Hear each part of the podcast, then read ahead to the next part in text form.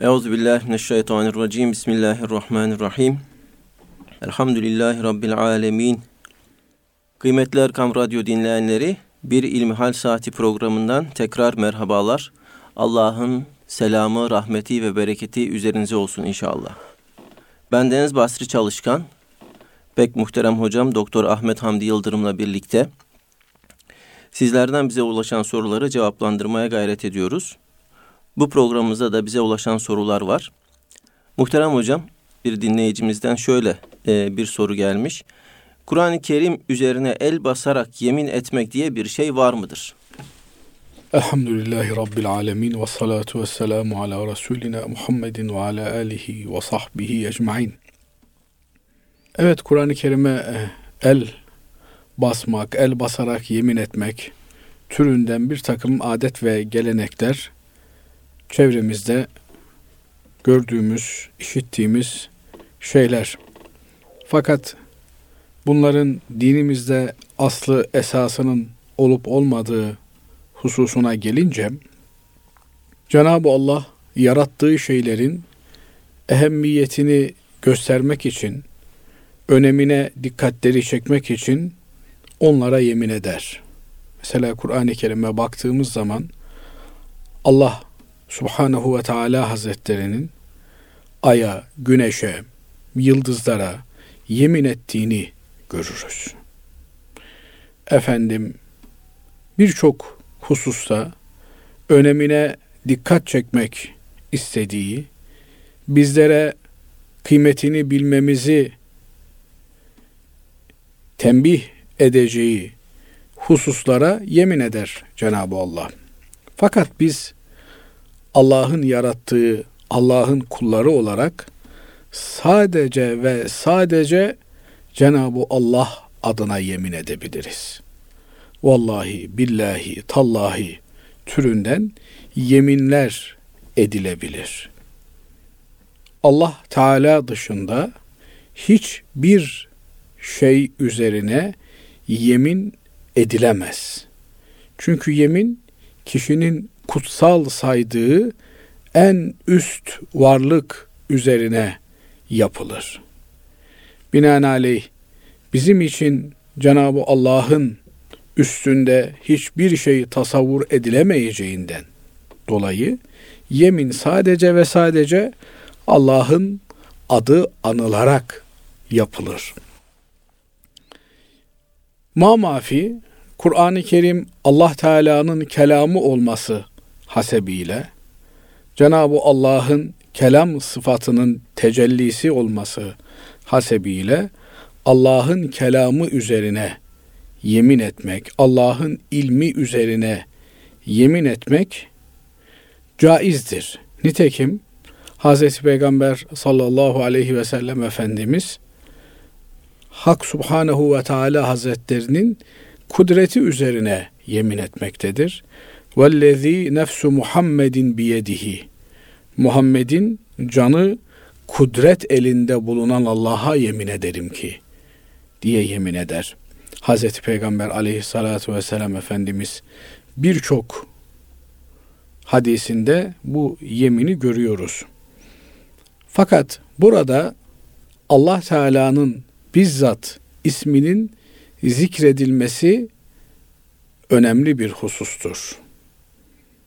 Mesela Muhammed'in Rabbi hakkı için veya Muhammed'in Rabbine yemin olsun ki, Kur'an'ın Rabbine yemin olsun ki, kelamı kadimin Rabbine yemin olsun ki diye Kur'an-ı Kerim'i Cenab-ı Allah'ın bir kitabı, kelam sıfatının bir tecellisi olması hasebiyle dile getirmek suretiyle yemin edilebilir. Ama Cenab-ı Allah'ın zatı akla getirilmeden, ismi anılmadan Kur'an-ı Kerim'e de yemin etmek doğru değildir. Cenab-ı Allah yemin eder. Cenab-ı Allah yarattığı her şeye yemin edebilir. Efendim akıp gitmekte olan gemilere, efendim e, tozu dumana katan rüzgarlara. Kur'an-ı Kerim'de bunları çokça görmekteyiz. Fakat biz kullar söz konusu olduğunda sadece ve sadece alemlerin Rabbi olan Cenab-ı Allah'a yemin ederiz. Bu yeminimizde Cenab-ı Allah'ın sıfatlarını zikredebiliriz. İşte az önce söylediğimiz gibi alemlerin Rabbi olan Allah'a yemin ederim ki canım kudret elinde olan Allah'a yemin ederim ki efendim bütün kainatın sahibi olan Allah'a yemin ederim ki Kur'an'ın sahibi olan peygamberin sahibi olan Rabbi olan Allah'a yemin ederim ki diyerek nihayetinde yemini Cenab-ı Allah'a bağlamak gerekir. Bir de bunun dışında işte namusum ve şerefim üzerine yemin ederim ki türünden ifadeler var ki bunlar bir yemin sayılmaz. Hele de e, bunu ant içmek şeklinde bir ifadeye oturtmak dini açıdan bir yemin muamelesi görmez. İşte ben şu işi yapacağıma dair ant içiyorum dese bir adam onu yapması gerekmediği gibi yapması durumunda yeminini bozmuş olduğunda karşı karşıya kaldığı sorumluluklar ve mükellefiyetler de böyle bir durumda tereddüt etmez. Çünkü bu bir yemin değildir. Yemin ancak Allah Teala'nın adı zikredilerek yapılabilir. Öyle olmadığı sürece insanların birbirlerine vermiş oldukları bir söz, taahhüt, vaat türünden şeylerdir. Elbette bir kimseye verdiğimiz sözün gereğini yerine getirmemiz, vaadi ifa etmemiz gerekir. Fakat bir vaadi yerine getirmediniz, sözünüzde durmadınız diye şer'i olarak, dini olarak karşı karşıya kalacağınız kefaret türünden bir yaptırım söz konusu değildir. Ama elbette ahlaki açıdan ahiretteki sorumluluk açısından sözünün eri olmak Müslümana yakışır.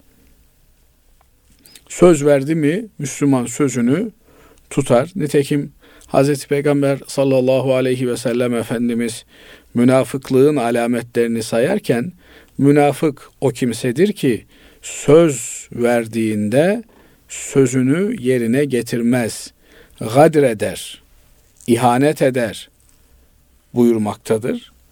Binaenaleyh Hz. Peygamber Efendimiz münafıklığın vasfı olarak üç tane hadisi burada zikretmektedir.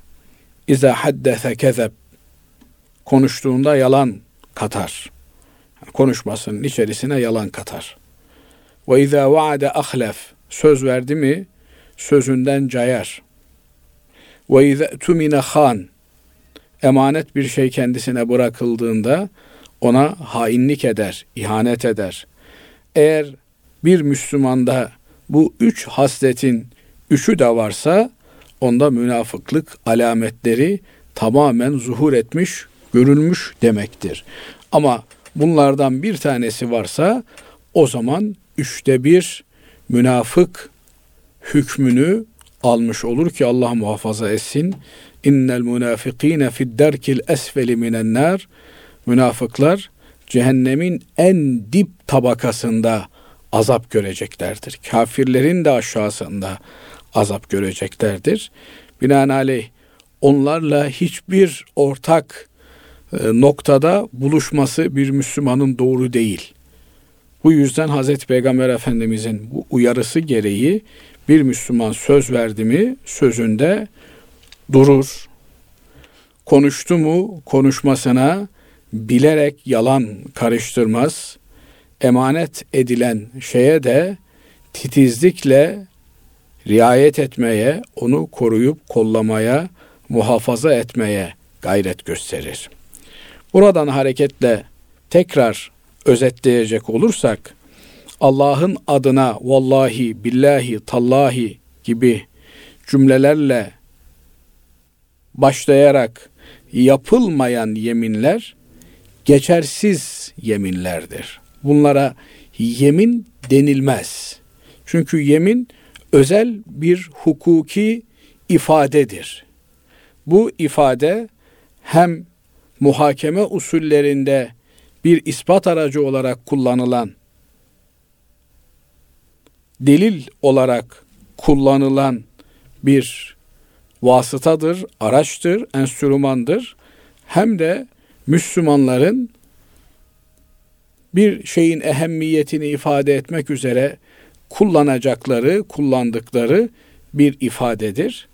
Mamafi yemin etmek çok doğru bir şey değildir. Mümkün mertebe yeminden kaçınmak gerekir. Yemin haklı olsa dahi bir insanın uzak durması gereken bir husustur. Ağzımızı, dilimizi yemine alıştırmamamız gerekir. Bazılarına bakıyoruz, lafının arasında ikide bir vallahi billahi, vallahi şöyle oldu, vallahi billahi bak öyle oldu filan türünden. Bu yemin ifadesini e, çok sık kullanmaktadırlar. Bunlar doğru şeyler değil. Cenab-ı Allah'ın yüce ismini, ulu adını sıradan şeyler için, gel geç şeyler için kullanmak doğru değil. Hele de alışverişte bir ürünün, bir malın tervicini sağlamak için, onun tüketimini teşvik etmek için, alınmasını promosyon etmek için yemin ifadelerini kullanmak Hz. Peygamber Efendimizin özellikle yasakladığı hususlardandır. Çarşıda, pazarda yemin ifadelerini kullanmak doğru değildir. Müslüman Müslümana doğru konuşur. Müslüman bütün muhataplarına doğru konuşur. Evet, her doğruyu her yerde konuşmakla mükellef değiliz. Ama konuştuğumuz her şey doğru olmak durumundadır. Doğruyu konuşmak durumundayız. Binaenaleyh eğer bir şeyden bahsediyorsa bir Müslüman muhakkak o doğru bir şeydir. Yalan ifade asla bir Müslüman için söz konusu değildir. Geçen böyle bir yerde okurken dikkatimi çekti. 1850 yıllarda İstanbul'da bulunan bir Fransız seyyah gezgin hatıralarını yazıyor. Diyor ki eğer İstanbul'da bir Ermeni ile alışveriş yapıyorsanız o zaman onun istediği fiyatın yarısını teklif edin. Eğer bir Yahudi ile alışveriş yapıyorsanız muhakkak üçte bir fiyattan pazarlığa başlayın diyor. Ama eğer bir Müslüman tacirle, ticaret erbabıyla alışveriş yapıyorsanız istediği parayı tereddüt etmeksizin verin. Çünkü İstanbul'da bir Müslüman asla sizi aldatmaz diyor. 1850 yılında İstanbul'u gezen, dolaşan Fransız bir seyyahın hatıratında bu ifadeler geçiyor. Der ki Araplar fazilet odur ki düşman bile onu ikrar ede. Dolayısıyla kişinin kendini met etmesi değil, kolu komşunun hele de düşmanın met etmesi önemli. Aynı dini paylaşmayan, aynı inancı paylaşmayan birinin kalkıp da Müslümanlar için bu ifadeyi kullanması hakikaten o günkü Müslümanın kalitesini göstermesi açısından çok önemli. Bunu yeminle sağlamak mümkün değil.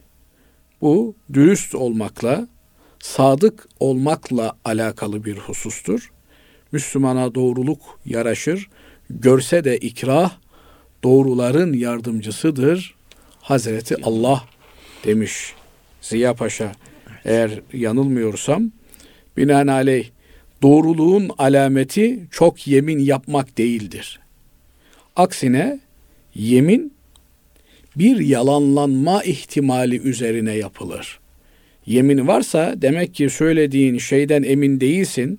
Muhatabın seni reddedebilir. Bundan tereddütün var, şüphen var. Onun için yemine müracaat ediyor, başvuruyorsun demektir. Müslüman sözü ve özü bir insan olduğu için yeminle kendisini destekleme ihtiyacını hissetmez. Ma burada dinleyicilerimizin aklına şu gelmesin. Cenab-ı Allah o zaman Kur'an-ı Kerim'de niye yemin ediyor? İfade etmek istediğimiz üzere Cenab-ı Allah bir takım harikulade olaylara dikkatimizi çekmek istiyor. Ve şemsi ve duhaha. Güneşe ve duha vaktine kuşluk vaktine yemin olsun. Güneş ve kuşluk vakti Allah'ın kudretini gösteren en büyük göstergelerden, ayetlerden, alametlerden bir tanesidir. Ay öyledir. Bunların ehemmiyetine Cenab-ı Allah bizlerin dikkatini çekmek istiyor. Yoksa benim size söyleyeceklerimden sizin tereddütünüz var onun için değil. Veya Cenab-ı Allah söyleyeceği şeyin ehemmiyetine mesela nefisle ilgili Cenab-ı Allah nefis tezkiyesiyle ilgili 11 yeminle bizlere ve nefsin ve ma zekkaha kad eflaha ve nefsin ve ma sevvaha kad eflaha men zekkaha 11.si ve nefsin ve ma zekkaha nedir cevabı? Yeminin hemen yemin edilen noktası o nefsi teskiye eden kad eflaha men zekkaha nefsini arındıran nefsini temizleyebilen nefsini teskiye eden kurtuluşa ermiştir.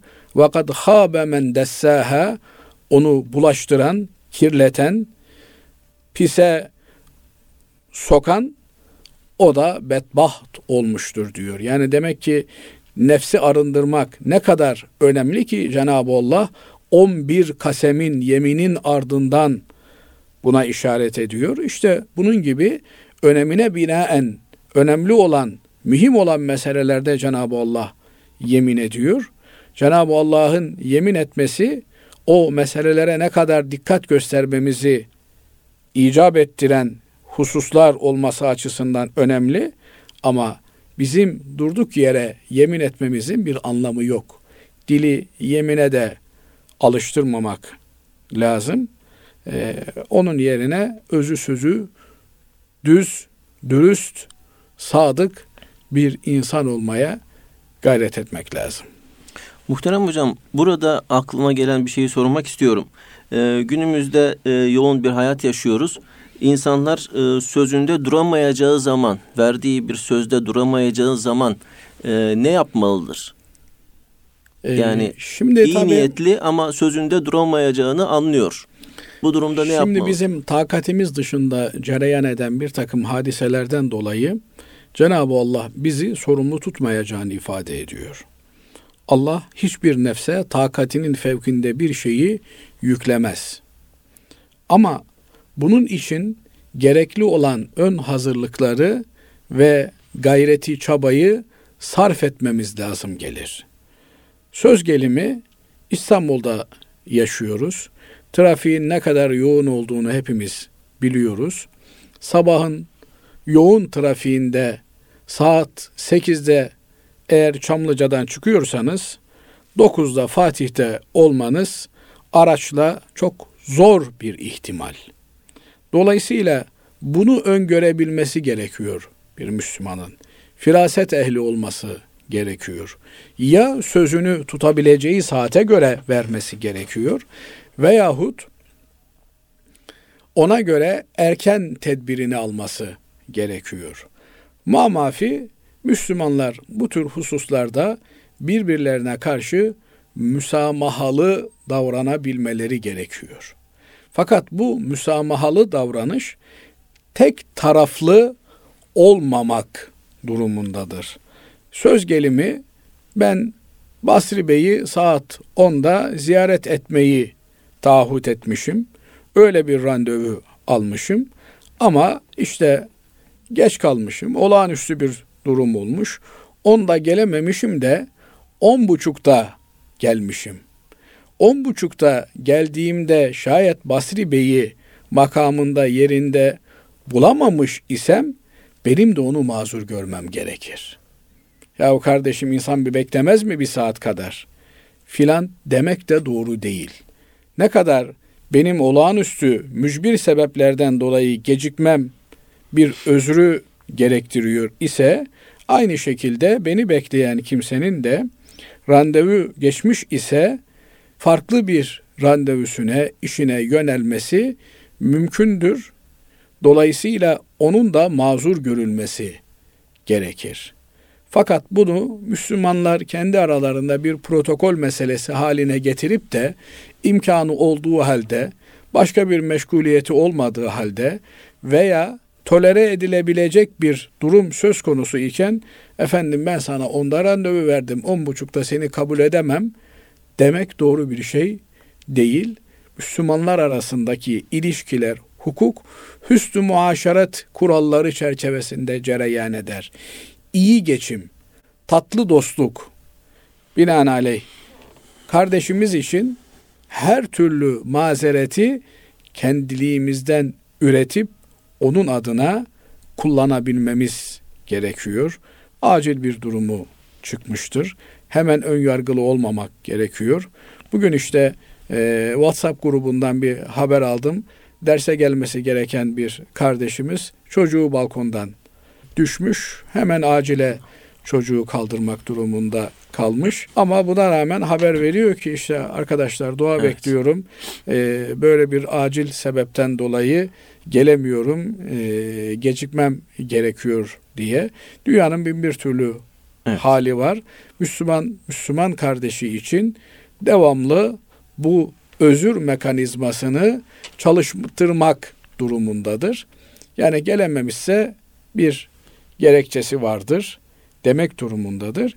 Bir diğer mesele de Şifa-i Şerif'te Hz. Peygamber aleyhissalatü vesselam Efendimizin vefasına örnek verirken Kadı İyaz Hazretleri bir e, olaydan bahsediyor. Efendimiz Aleyhisselatü Vesselam bir yerde buluşmak üzere biriyle sözleşmişler.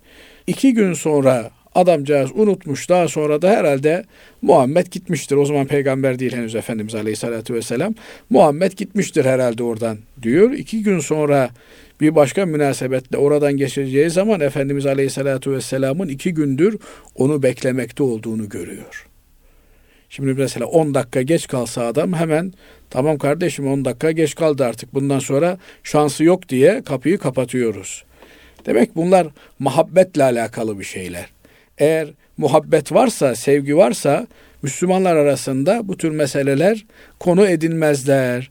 Ama eğer muhabbet yoksa o zaman bir dakika gecikmede insanın gözüne büyük bir mesele olarak e, gözükür.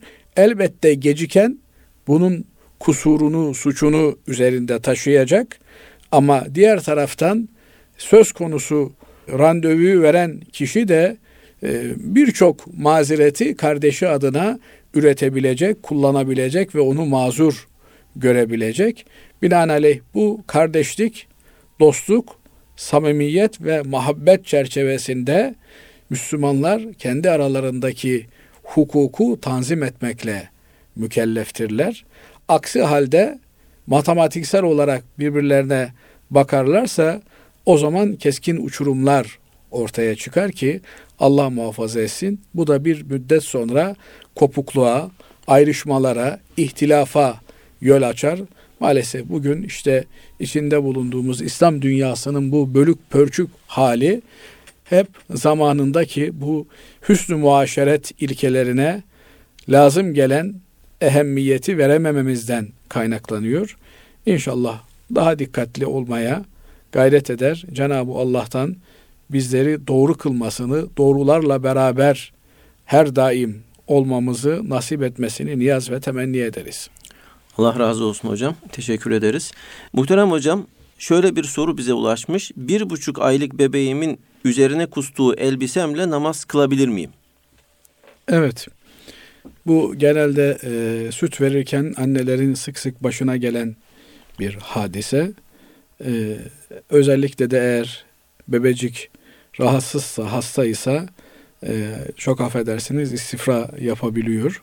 Bu durumda e, elbiseyi değiştirmek gerekiyor. Çünkü kitaplarımız, fıkıh kitaplarımız istifra ile ilgili eğer ağız dolusu bir kusma söz konusu olursa diyorlar, ağız dolusu kusma abdesti bozar. Abdesti bozan vücuttan çıkan her şey de necistir. Binaenaleyh böyle bir durumda o e, çok özür dilerim kusmuğun bulaştığı yerin temizlenmesi, yıkanması gerekiyor. Ve e, yine kitaplarımız bu hususta bebeğin istifrası kusmuğu ile büyüğün kusmuğu arasında bir ayrım yapmamışlar. Dolayısıyla büyük insanın kusması da e, bir bebeğin, bir iki aylık bebeğin kusması da aynı şeydir. Fakat burada e, necis olan ağız dolusu olan kusmadır. Eğer ağız dolusu değil de e, işte ufacık bir parçayı geri çıkartmışsa veya henüz yeni emdiği sütü geri bırakmışsa yani mideye e, ulaşmadan ağızdaki sütü çıkartmışsa e, bunlar necis değildirler ve necis olmadığı için yani şeriatımızın pis kabul ettiği bir nesne olmadığı için de yıkanmaları gerekmez. Fakat mideden gelen ve e, ağız dolusu dediğimiz şarıl şarıl kusmalarda bunların pis olduğu e, kokusundan da bellidir zaten Basri Hocam. Evet. Yani bebek de olsa onun kusmuğunun da bir kokusu vardır. Tahammül Hı. edilebilecek de bir koku değildir. Nasıl çocuğun üstünü değiştiriyorsak Hı hı. Yani titiz anneler, Müslüman anneler e, öyle bir vaziyette çocuğu bırakmıyorlar. Niye? Çocuğun e, yanında bulunanlar da rahatsız oluyor. Çocuk da evet. ondan rahatsız oluyor. Belki e, çocuğu muhafaza ile müvekkel olan melekler de rahatsız oluyorlar. Dolayısıyla çocuğun üstünü değiştirdiğimiz gibi eğer e, bir annenin üzerine bulaşmışsa annenin de namaz kılmak durumu söz konusu ise üstünü o kusmuğun değdiği yeri e, temizlemesi, e, çamaşırını değiştirmesi gerekir. Eğer çok sık karşılaşılan bir durumsa o zaman bir önlükle çocuğu emzirmeye veya hizmetini yapmaya teşebbüs etmeli. Yok arada bir karşılaşılan bir durumsa zaten annelik her yönüyle zor bir e, sanattır. Ama en önemli e, ibadetlerden biridir. E, bir anne çocuğuyla ilgilendiği sürece ibadete niyet ederse bu bir ibadet yerine geçer. İnsan eğitimi başlı başına bir ibadettir. Bebek eğitimi, çocuk eğitimi, onunla ilgilenmek o çok ayrıcalıklı bir ibadettir. Ama bunu Allah rızası için yapmaya gayret etmek lazım. Allah'ım bu çocuğumu sana hayırlı bir kul, peygamberine hayırlı bir ümmet, Müslümanlara da hayırlı bir kardeş eyle diye dua temennileri içerisinde ona hizmette geçirdiği vakti bir anne tereddütsüz ibadet vakti olarak yazabilir. Onun için bu hususlarda da yüksünmemek lazım. Bu meselelerin e, ağır olarak değerlendirilmemesi lazım. E, eğer öyle bir şey olmuşsa e, üstünü başını değiştirip hanım kardeşimizin veya babası kucağına almış o esnada evet. çocuk midesinden çıkartmış olabilir. Her kim ise namaz için bu kusmuklu olan kıyafetin değiştirilmesi lazım. Evet Allah razı olsun. Ee, diğer bir sorumuza geçiyorum. Zinadan nasıl korunabilirim diye sormuş bir e, dinleyenimiz hocam. Allah muhafaza etsin. Tabi e, böyle bir e, suç bir Müslüman için düşünülemeyecek bir mesele. Ama bir insan olarak hepimizin de karşı karşıya kalabileceği bir konu. Bu yüzden Cenab-ı Allah Kur'an-ı Kerim'de zina işlemeyin demiyor. Zina yapmayın demiyor. Onun yerine ve la zina buyuruyor. Zinaya yaklaşmayın diyor. Yani eğer bir yol zinaya çıkıyorsa o yola hiç girmeyin diyor. Onun için dikkat ederseniz şeriatımız bu tür e, zinaya ucu çıkabilecek e, cinsel yasakların söz konusu olabileceği tehlikeli alanları başından kapatıyor. Mesela kadın erkek karışık ortamları yasaklıyor. Kadınlar kendi aralarında, erkekler kendi aralarında bir arada oturabilirler, yiyebilirler, içebilirler. Çay partisi yapabilirler. Ama efendim kadınlar, erkekler yan yana diz dize karışık bir ortamda bulunmayı şeriatımız yasaklıyor. Niye yasaklıyor? Çünkü Allah Azze ve Celle kadını erkekten yaratmış. İlk önce Adem'i çamurdan, balçıktan yaratmış. Adem'den de onun eşi Havva'yı yaratmış. Yaratma keyfiyeti kendince malum. Nasıl yarattığını Yüce Rabbimiz biliyor. Binaenaleyh bu iki cinse birbirine karşı bir etkilenme özelliği vermiş. Havva Adem'den, Adem Havva'dan etkilenebilir bir mahiyette yaratılmış.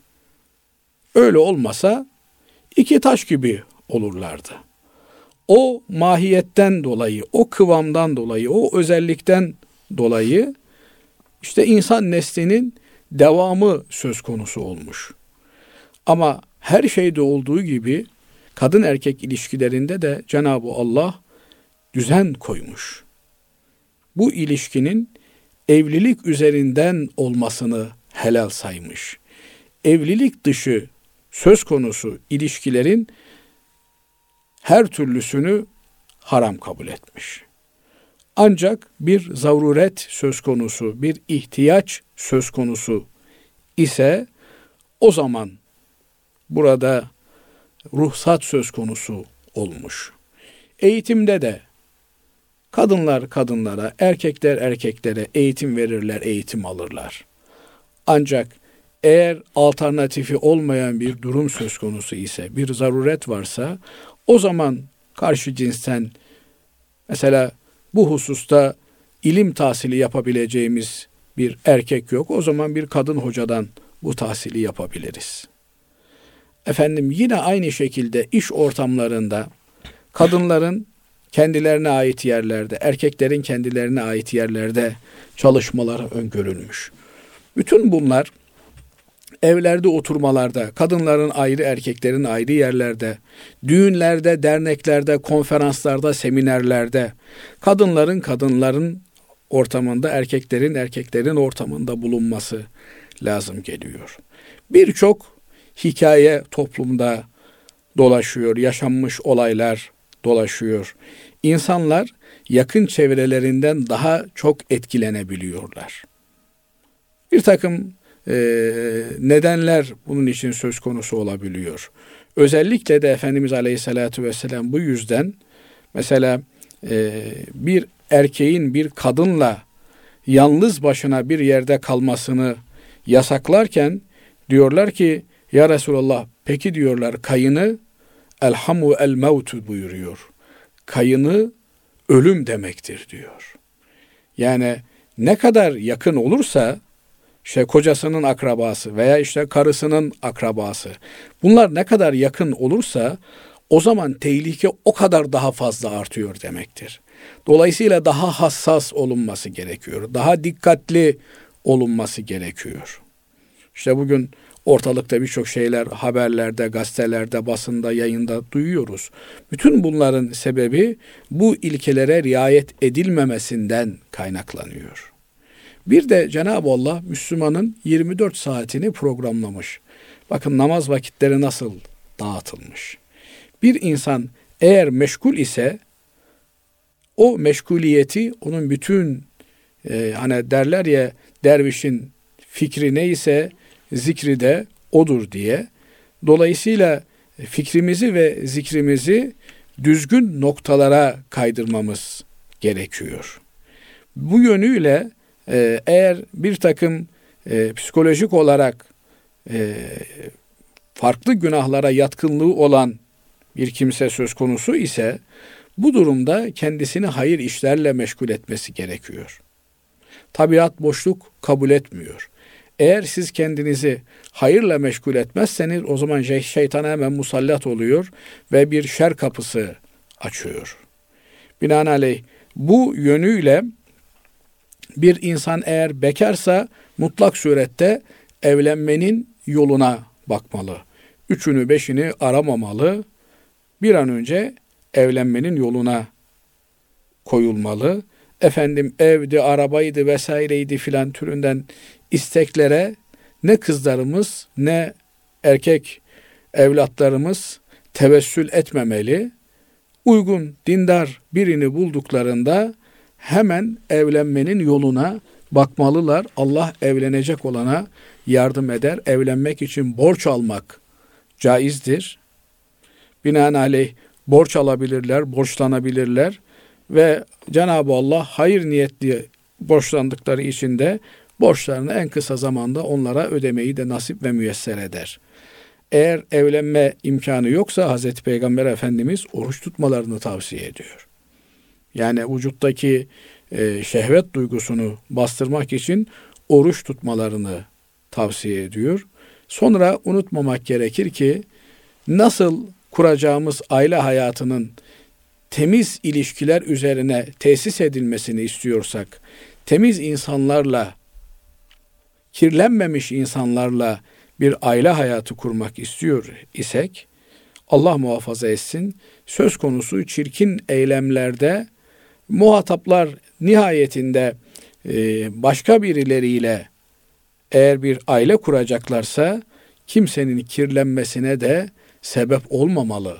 Bir insan kendisini de kirletmemeli. Çünkü bu o kadar ağır bir cürüm, o kadar ağır bir cinayet ki hiçbir cinayete benzemiyor. Bakın adam öldürmekle bile kıyas edilmeyecek kadar ağır bir cinayettir. Zina gibi pis bir suçu işlemek Allah muhafaza etsin.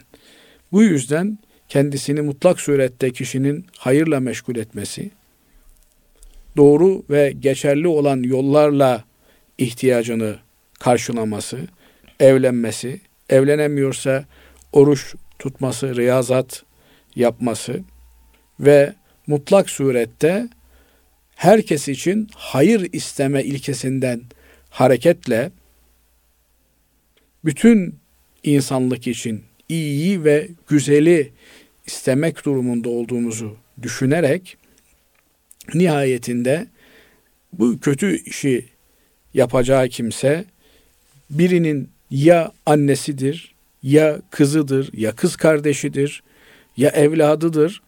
Yani dolayısıyla ortada sahipsiz, kimsesiz, taştan çıkma kimse yok. Binaenaleyh e, kendisine bir insan acımıyorsa karşısındaki insana acımalı. Ona acımıyorsa onun annesine, babasına, evladına, akrabasına acımalı. Onlara da acımıyorsa topluma acımalı. Yani nihayetinde bu eylemler bir toplumu helak edebilecek, yok edebilecek ağır cürümler, veballi işlerdir. Tarihte bu tür ahlaksızlıklardan dolayı Cenab-ı Allah'ın helak ettiği bir sürü toplum bulunmaktadır. Hem kendi namusumuzu hem toplumumuzun namusunu korumakla mükellefiz. Bu yüzden kötüyü, çirkini, ahlaksızlığı, suçu teşvik edici olan her tür şeyden uzak durmaya gayret etmemiz lazım. Kötüyü akla getirebilecek her türlü ortamın dışında kalmaya gayret etmemiz lazım. Böyle yaparsak Cenab-ı Allah bizleri muhafaza eder. Amin. O yüzden ayet yaklaşmayın buyuruyor. Yaklaşmamak lazım. Yani bir adam eğer hayatını ne bileyim bu tür eylemlerin konuşulduğu yerlerde geçiriyorsa, dikenli tellerin yakınında dolaşıyor ise o dikenli tellerin eline ayağına batması kuvvetle muhtemeldir. Buraklardan uzak durmak lazım. Cenab-ı Allah'a sığınmak lazım. Hazreti Peygamber Efendimizin en çok yaptığı dualardan bir tanesi Ya Rabbi beni göz açıp kapayıncaya kadar bile kendi halime bırakma diyor. Nefsimin eline beni bırakma. Şeytanla beni baş başa bırakma. Şeytan Haşr suresinde ifade edildiği gibi Müslümanlarla uğraşır. Gençlerle uğraşır. Onları yoldan çıkartmak için, dinden, imandan etmek için elinden geleni yapar. Kemeseli şeytani iz kâle lil insâni kfur. Şeytan misalinde olduğu gibi hani insana kafir ol, yoldan çık, şunu yap, bunu yap diye telkinde bulunmuştu. Felemma kefere insan bir kez yoldan çıkınca, inkar bataklığına saplanınca artık şeytan ona dönüp der ki ben senden uzağım der. Ben alemlerin Rabbi Allah'tan korkarım. Yani şeytanın vazifesi insanı yoldan çıkartmak.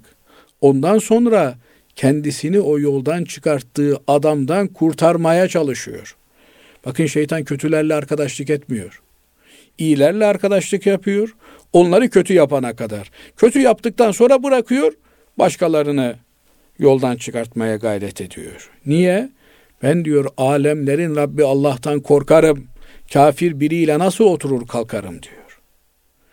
Dolayısıyla şeytan yoldan çıktıktan sonra bizi terk edecek olduğuna göre yoldayken de bizim şeytanı terk etmemiz, ona prim vermememiz, onun iktidar alanından uzak durmamız gerekiyor.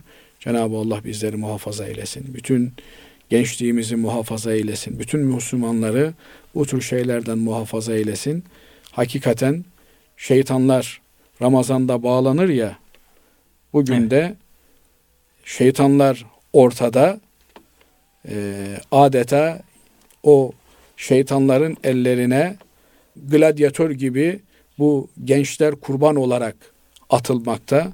Cenab-ı Allah hepimizi muhafaza eylesin.